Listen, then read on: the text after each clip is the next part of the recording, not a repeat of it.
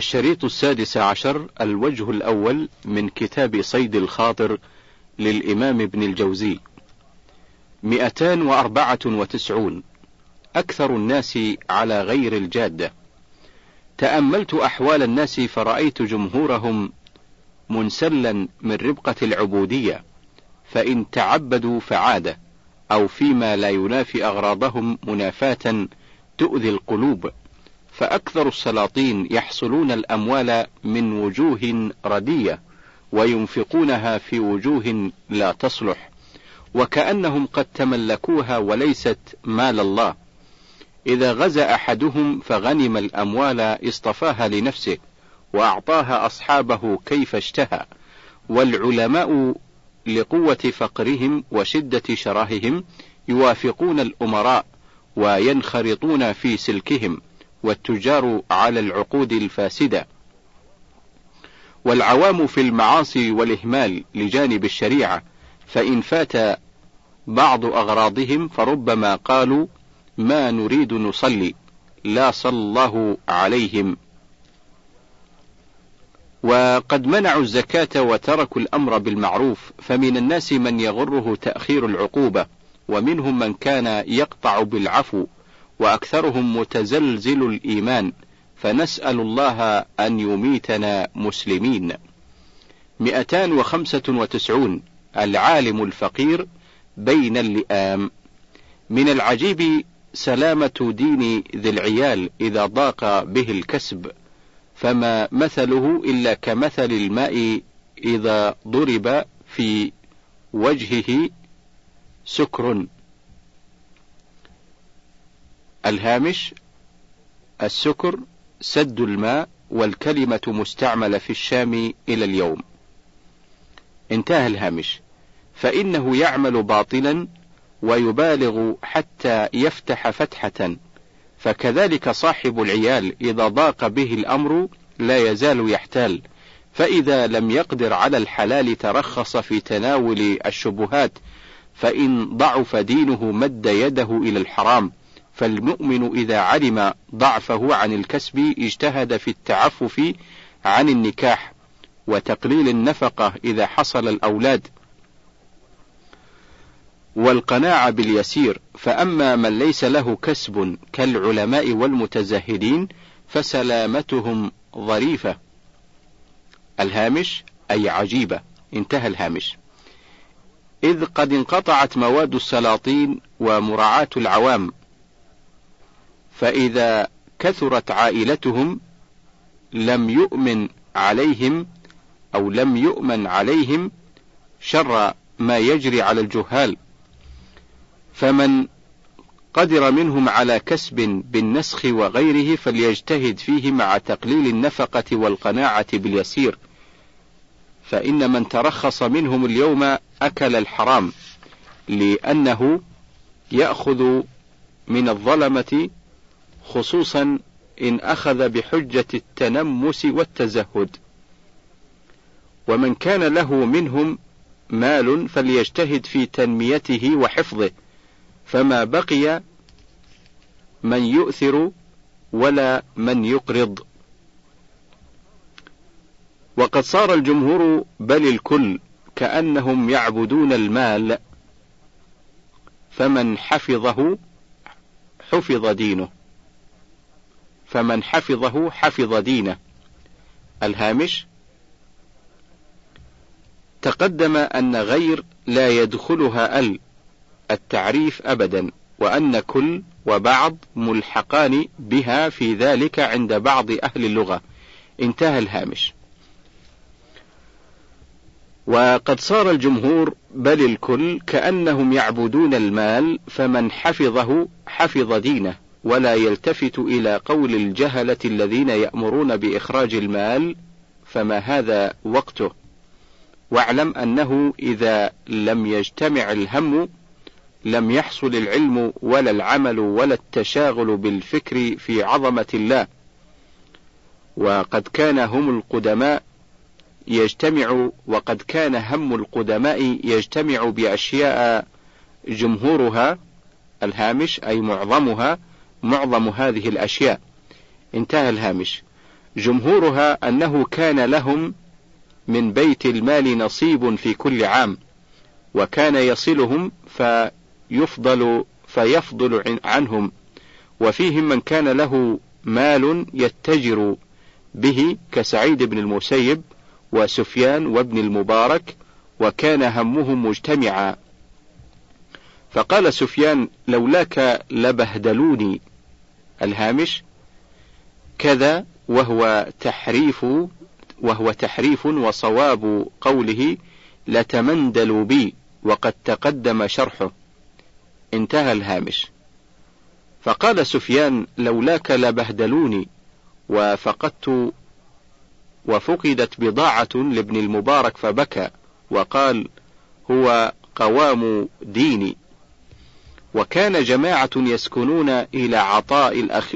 الإخوان الذين لا يمنون وكان ابن المبارك يبعث إلى الفضيل وغيره وكان الليث بن سعد يتفقد الأكابر فبعث إلى مالك ألف دينار وإلى ابن لهيعة ألف دينار. الهامش كان الليث وابن لهيعة محدثي مصر وفقي محدثي مصر وفقيهيها وفقيهيها. انظر الكلام عن الليث في كتاب رجال من التاريخ. انتهى الهامش. وأعطى منصور بن عمار ألف دينار وجارية بثلاث بثلاثمائة دينار. وما زال الزمان على هذا إلى أن آل الأمر على انمحاق ذلك. فقلت عطايا السلاطين وقل من يؤثر من الإخوان إلا أنه كان في ذلك التقليل ما يدفع الزمان. فأما زماننا هذا فقد انقبضت الأيدي كلها حتى قل من يخرج الزكاة الواجبة. فكيف يجتمع هم من يريد من العلماء والزهاد أن يعمل أن يعمل همه ليلا ونهارا في وجوه الكسب وليس من شأنه ولا يهتدي له؟ فقد رأينا الأمر أحوج إلى التعرض للسلاطين والترخص في أخذ ما لا يصلح وأخرج المتزهدين إلى التصنع لتحصيل الدنيا. فالله الله يا من يريد حفظ دينه قد, كرر قد كررت قد كررت عليك الوصية بالتقليل جهدك وخفف العلائق مهما أمكنك. فالله الله يا من يريد حفظ دينه قد كررت عليك الوصية بالتقليل جهدك وخفف العلائق مهما أمكنك واحتفظ بدرهم يكون معك فإنه دينك. وافهم ما قد شرحته فإن ضجت النفس لمراداتها فقل لها إن كان عندك إيمان فاصبري. وإن أردت التحصيل لما يفنى ببذل الدين فما نفعك. فتفكري في العلماء الذين جمعوا من غير وجهه وفي المنمسين الذين ذهب دينه دينهم وزالت دنياهم الهامش في قوله المنمسين أي الملبسين المدجلين الذين يأكلون الدنيا بالدين وما أكثرهم وما أكثرهم. انتهى الهامش. وتفكري في العلماء الصادقين كأحمد وبشر. اندفعت الأيام وبقي لهم حسن الذكر. وفي الجملة من يتق الله يجعل له مخرجا ويرزقه من حيث لا يحتسب. ورزق الله تارة بإيعاد الصبر على البلاء والأيام تندفع. الهامش بإيعاد كذا. انتهى الهامش. ورزق الله تارة بإعاد الصبر على البلاء والأيام تندفع وعاقبة الصبر الجميل جميله وعاقبة الصبر الجميل جميلة. مئتان وستة وتسعون. كيف تعامل زوجة أو كيف تعامل زوجة لا تحبها. شكى رجل من بغضه لزوجته وقال ما أقدر على فراقها لأمور منها كثرة دينها علي وصبري قليل. ما أقدر على فراقها لأمور منها كثرة دينها علي وصبري قليل. ولا أكاد أسلم من فلتات لساني في الشكوى. وفي كلمات تعلم بغضي لها.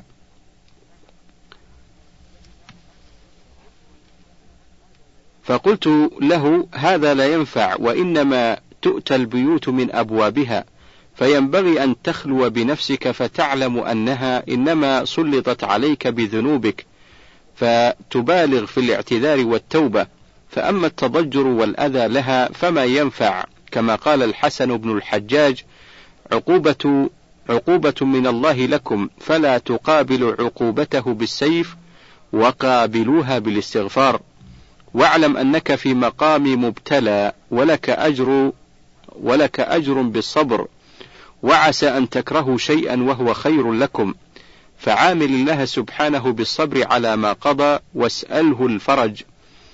فإذا جمعت بين الاستغفار وبين التوبة من الذنوب والصبر على القضاء وسؤال الفرج حصلت ثلاثة فنون من العبادة تثاب على كل منها. ولا تضيع الزمان بشيء لا ينفع ولا تحتل. الهامش لا بل يحتال أن يتخذ الوسائل كلها. ثم يرضى بما يكون اعقلها وتوكل. انتهى الهامش. ولا تحتل ظنا منك أنك تدفع ما قدر وإن يمسسك الله بضر فلا كاشف له إلا هو. وقد روينا أو روينا أن جنديا نزل يوما في دار أبي يزيد الهامش. أبي يزيد أو أبو يزيد هو البسطامي. انتهى الهامش.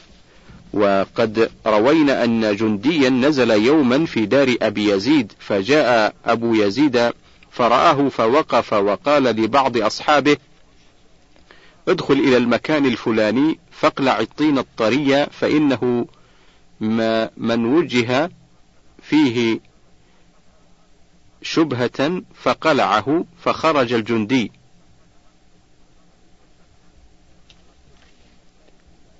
ادخل إلى المكان الفلاني فاقلع الطين الطري فإنه من وجه فيه شبهة فقلعه فخرج الجندي.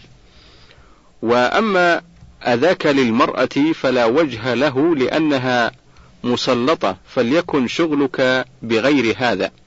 وقد روي عن بعض السلف أن رجلا شتمه فوضع خده على الأرض وقال اللهم اغفر لي الذنب الذي سلطت هذا به علي. الهامش هذا من أدب النصرانية من ضربك على خدك.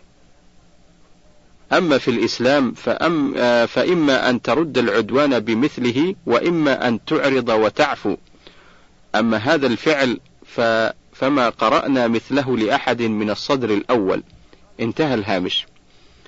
قال الرجل وهذه المرأة تحبني زائدا عن الحد وتبالغ في خدمتي غير أن البغض لها مركوز في طبعي.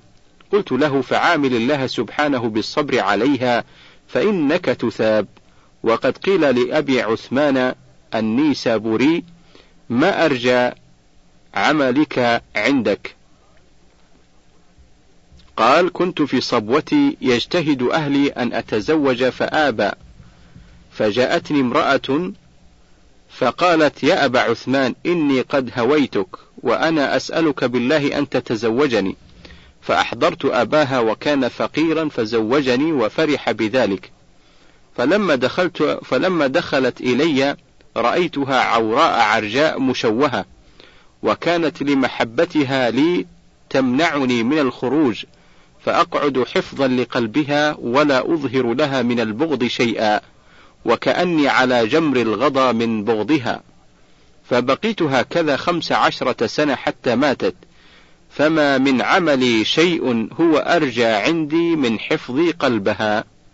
قلت له فهذا عمل الرجال وأي شيء ينفع ضجيج المبتلى بالتضجر بإظهار البغض؟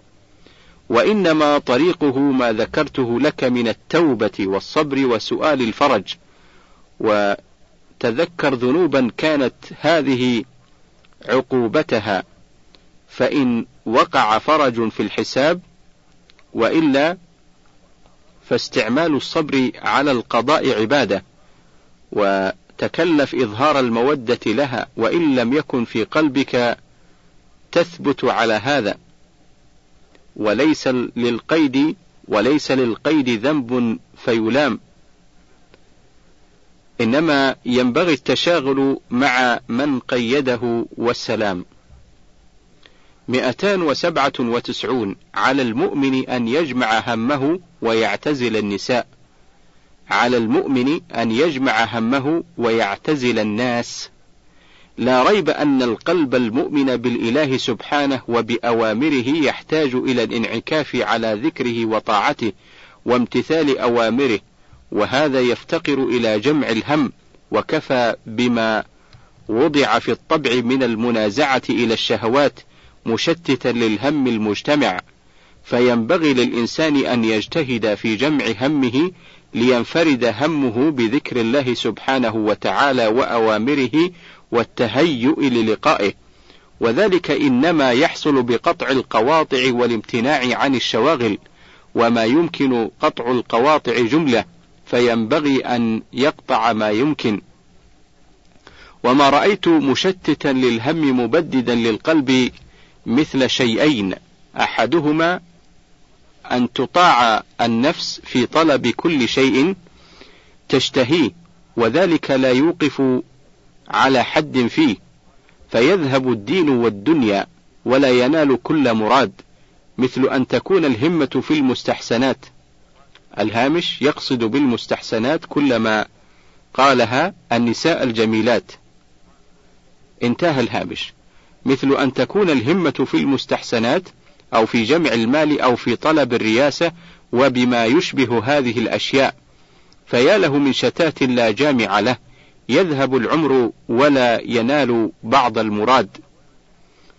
والثاني مخالطة الناس خصوصا العوام والمشي في الأسواق فإن الطبع يتقاضى الشهوات وينسى الرحيل عن الدنيا ويحب الكسل عن الطاعة والبطالة والغفلة والراحة فيثقل على من ألف مخالطة الناس التشاغل بالعلم أو بالعبادة ولا يزال يخالطهم حتى تهون عليه الغيبة. وتضيع الساعات في غير شيء فمن أراد اجتماع همه فعليه بالعزلة بحيث لا يسمع صوت أحد فحينئذ يخلو القلب بمعارفه ولا تجد النفس رفيقا مثل الهوى يذكرها ما تشتهي فإذا اضطر إلى المخالطة كان معها على وفاق كما تتهوى. الهامش يريد أنها تطلب الهوى. انتهى الهامش. فإذا اضطر إلى المخالطة كان معها على وفاق كما تتهوى الضفدع لحظة ثم تعود إلى الماء فهذه طريق السلامة فتأمل فوائدها تطب لك. مئتان وثمانية وتسعون لا تسبوا الدهر فإن الله هو الدهر ما رأت عيني مصيبة نزلت بالخلق أعظم من سبهم للزمان وعيبهم للدهر. وقد كان هذا في الجاهلية ونهى رسول الله صلى الله عليه وسلم عن ذلك فقال لا تسبوا الدهر فإن الله هو الدهر ومعناه أنتم تسبون من فرق شملكم وأمات أهاليكم وتنسبونه إلى الدهر والله تعالى هو الفاعل لذلك. فتعجبت كيف أعلم أهل الأسقام بهذه الحال. وهم على ما كان أهل الجاهلية عليه. ما يتغيرون حتى ربما اجتمع الفطناء الأدباء الظراف حتى ربما اجتمع الفطناء الأدباء الظراف على زعمهم فلم يكن لهم شغل إلا ذم الدهر وربما جعلوا الله الدنيا ويقولون فعلت وصنعت حتى رأيت لأبي القاسم الحريري يقول ولما تعامى الدهر وهو أبو الردى عن الرشد في أنحائه ومقاصده تعاميت حتى قيل أخو عمى ولا غرو أن يحذو الفتى حذو والده. وقد رأيت خلقا يعتقدون أنهم فقهاء وفهماء ولا يتحاشون من هذا وهؤلاء إنما أرادوا بالدهر مرور الزمان فذاك لا اختيار له ولا مراد ولا يعرف ولا يعرف رشدا من ضلال ولا ينبغي أن يلام فإنه زمان مدبر لا مدبر فيتصرف فيه ولا يتصرف وما يظن بعاقل وما يظن بعاقل أو ما يظن بعاقل أنه يشير إلى أن المذموم المعرض عن الرشد السيء الحكم هو الزمان فلم يبق إلا أن القوم خرجوا عن ربقة الإسلام ونسبوا هذه القبائح إلى الصانع فاعتقدوا فيه قصور الحكمة وفعل ما لا يصح كما اعتقده إبليس في تفضيل آدم وهؤلاء لا ينفعهم مع هذا اعتقاد إسلام ولا فعل صلاة بل هم شر من الكفار. لا أصلح, لا أصلح لهم شأنا ولا هداهم إلى رشاد. 299 اغتنم ساعات عمرك من عجائب ما أرى من نفسي ومن الخلق كلهم الميل إلى الغفلة عما في أيدينا من العلم بقصر العمر وأن زيادة الثواب هناك بقدر العمل ها هنا. فيا قصير العمر اغتنم يومي منى وانتظر ساعة النفر. وانتظر ساعة النفر. وإياك أن تشغل قلبك بغير ما خلق له واحمل نفسك على المر وأقمها إذا أبت. ولا تسرح لها في الطول. الهامش أي لا تمد لها الرسن.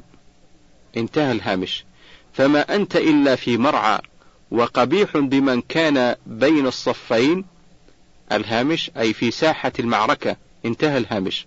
وقبيح بمن كان بين الصفين إذا تشاغل بغير ما هو فيه. ثلاثمائة. احفظ سرك أو احفظ سرك واحترز من الناس. قد كررت هذا المعنى في هذا الكتاب وهو الأمر بحفظ السر والحذر من الانبساط فيما لا يصلح بين يدي الناس. فرب منبسط بين يدي من يظنه صديقا يقول في صديق أو في سلطان لا يتهم في ذلك فيكون سبب هلاك ذاك. فأوصي السليم الصدر الذي يظن في الناس الخير أن يحترز من الناس وألا يقول في الخلق كلمة لا تصلح للخلق ولا يغتر بمن يظهر الصداقة أو التدين فقد عم الخبث. 301 التفكير في عظمة الخالق تسبيح المتيقظين. تأملت على أكثر الناس الهامش تأمل على كذا من غير الفصيح. انتهى الهامش. تأملت على أكثر الناس عباداتهم فإذا هي عادات. فأما أرباب اليقظة فعاداتهم عبادة حقيقة. فأما أرباب اليقظة فعادتهم عبادة حقيقة. فإن الغافل يقول سبحان الله عادة والمتيقظ لا يزال فكره في عجائب المخلوقات أو في عظمة الخالق فيحركه الفكر في ذلك فيقول سبحان الله.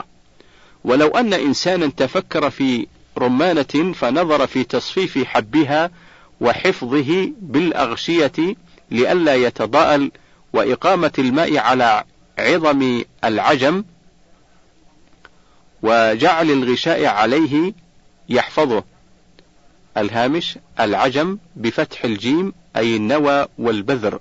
انتهى الهامش.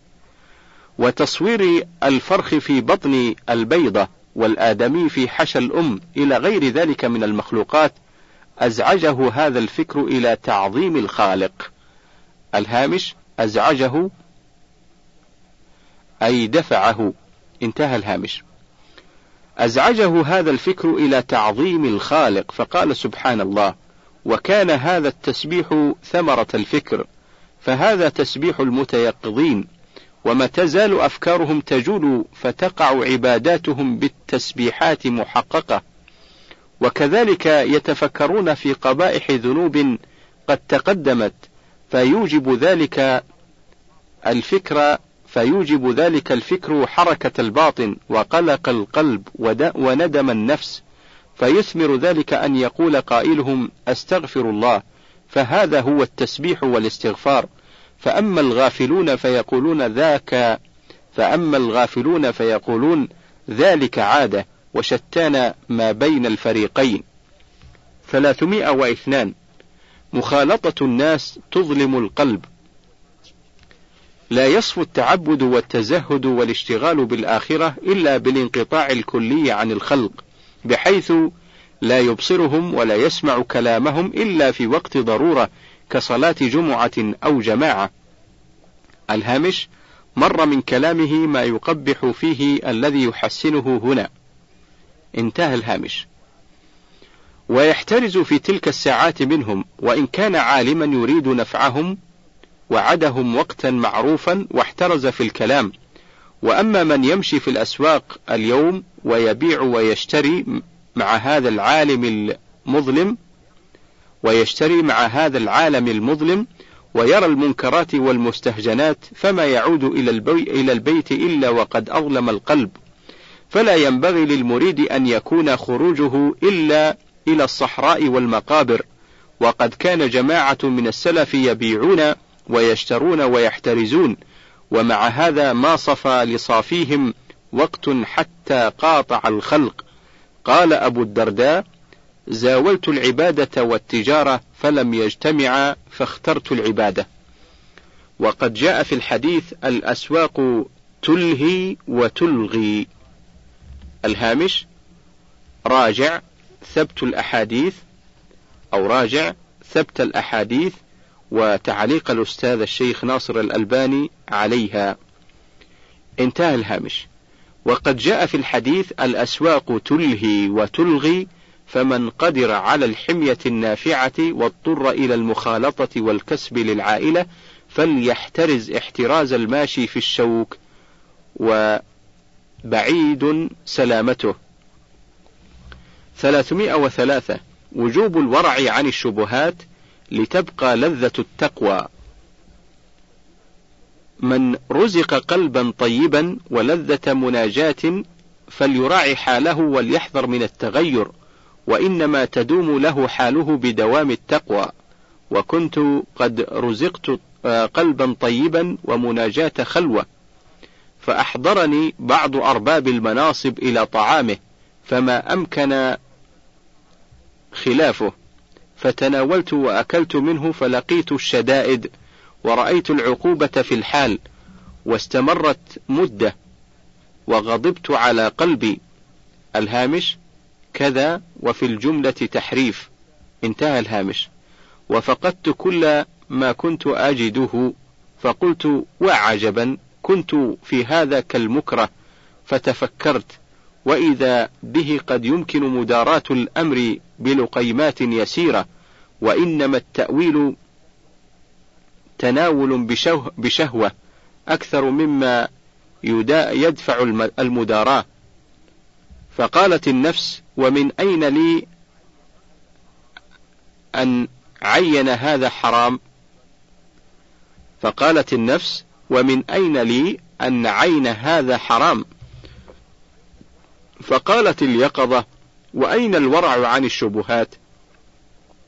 فلما تناولت بالتاويل لقمة استجلبتها بالطبع فلقد لقيت الأمرين بفقد القلب أو الأمرين بفقد القلب فاعتبروا يا أولي الأبصار.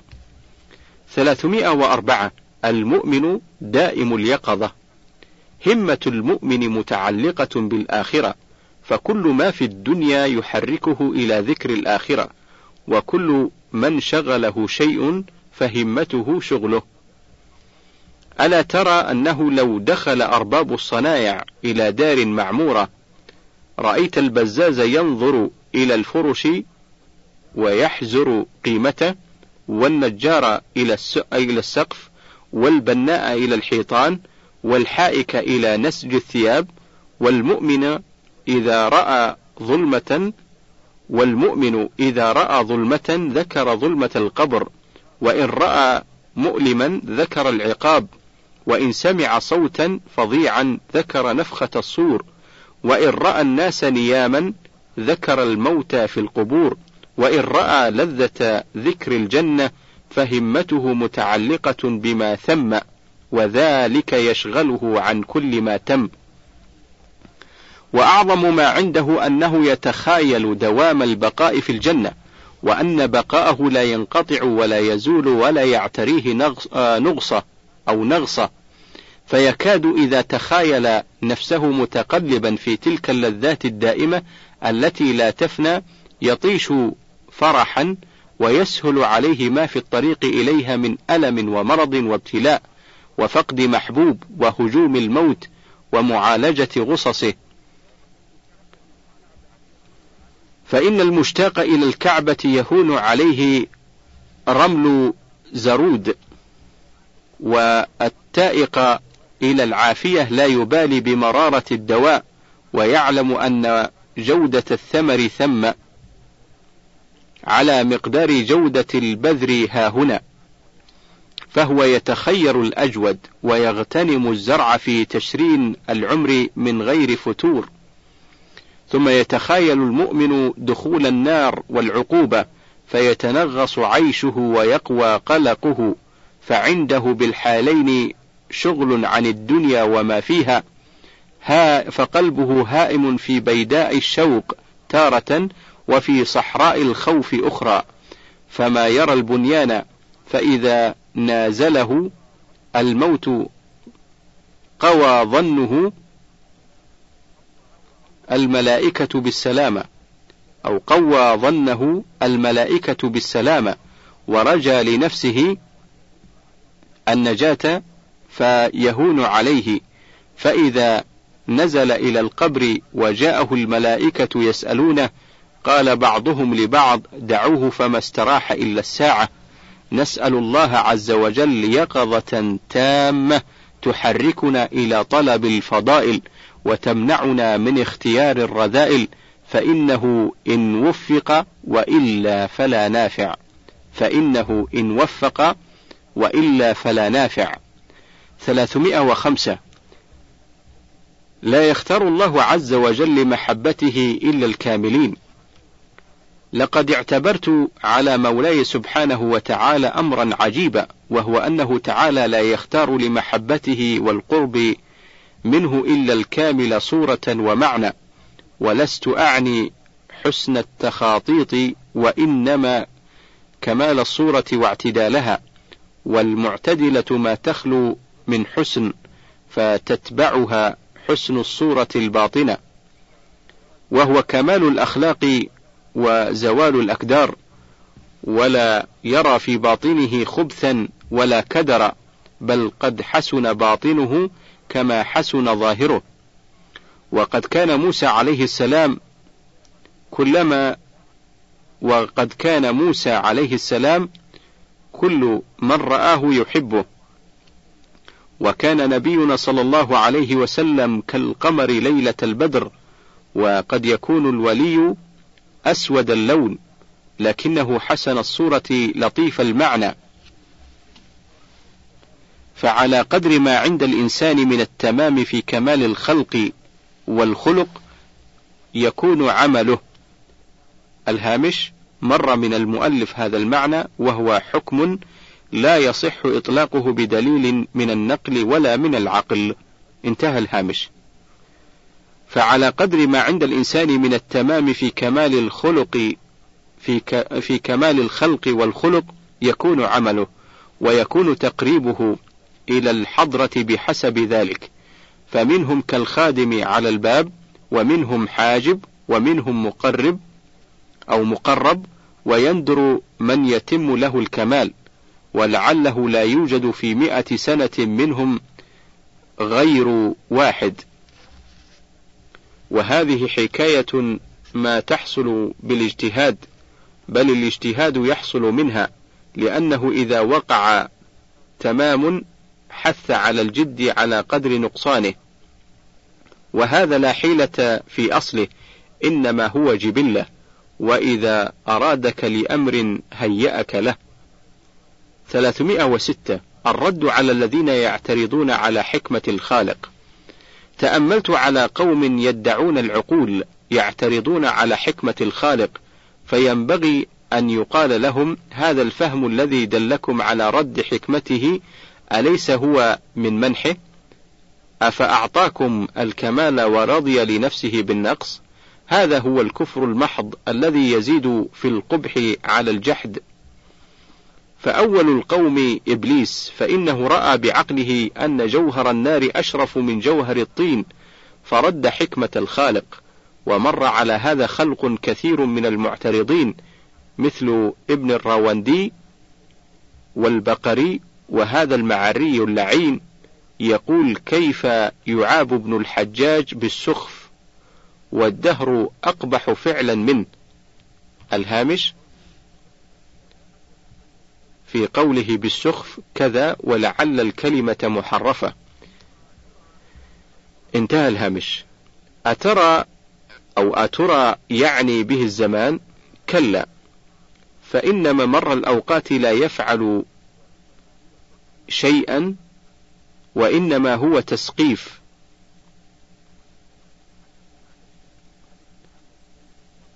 لعل الك... في الهامش لعل الكلمة محرفة. انتهى الهامش. وكان يستعجل الموت ظنا منه أنه يستريح وكان يوصي بترك النكاح والنسك. ولا يرى في الإيجاد حكمة إلا العناء والتعب ومصير الأبدان إلى البلاء ومصير الأبدان إلى البلاء. وهذا لو كان كما ظن كان الإيجاد عبثا والحق منزه عن العبث. قال تعالى وما خلقنا السماوات والأرض وما بينهما باطلا. فإذا كان ما خلق لنا لم يخلق عبثا أفنكون نحن ونحن مواطن معرفته ومحل تكليفه قد وجدنا عبثا؟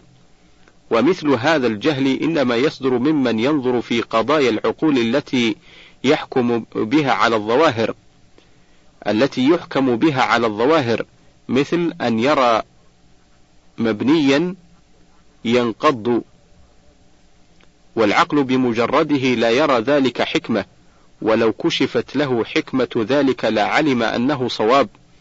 كما كشف لموسى مراد الخضر في خرق السفينة وقتل الغلام. ومعلوم أن ذبح الحيوان وتقطيع الرغيف ومضغ الطعام لا يظهر له فائدة سوى الإطلاق. الهامش لعل الكلمة محرفة. انتهى الهامش.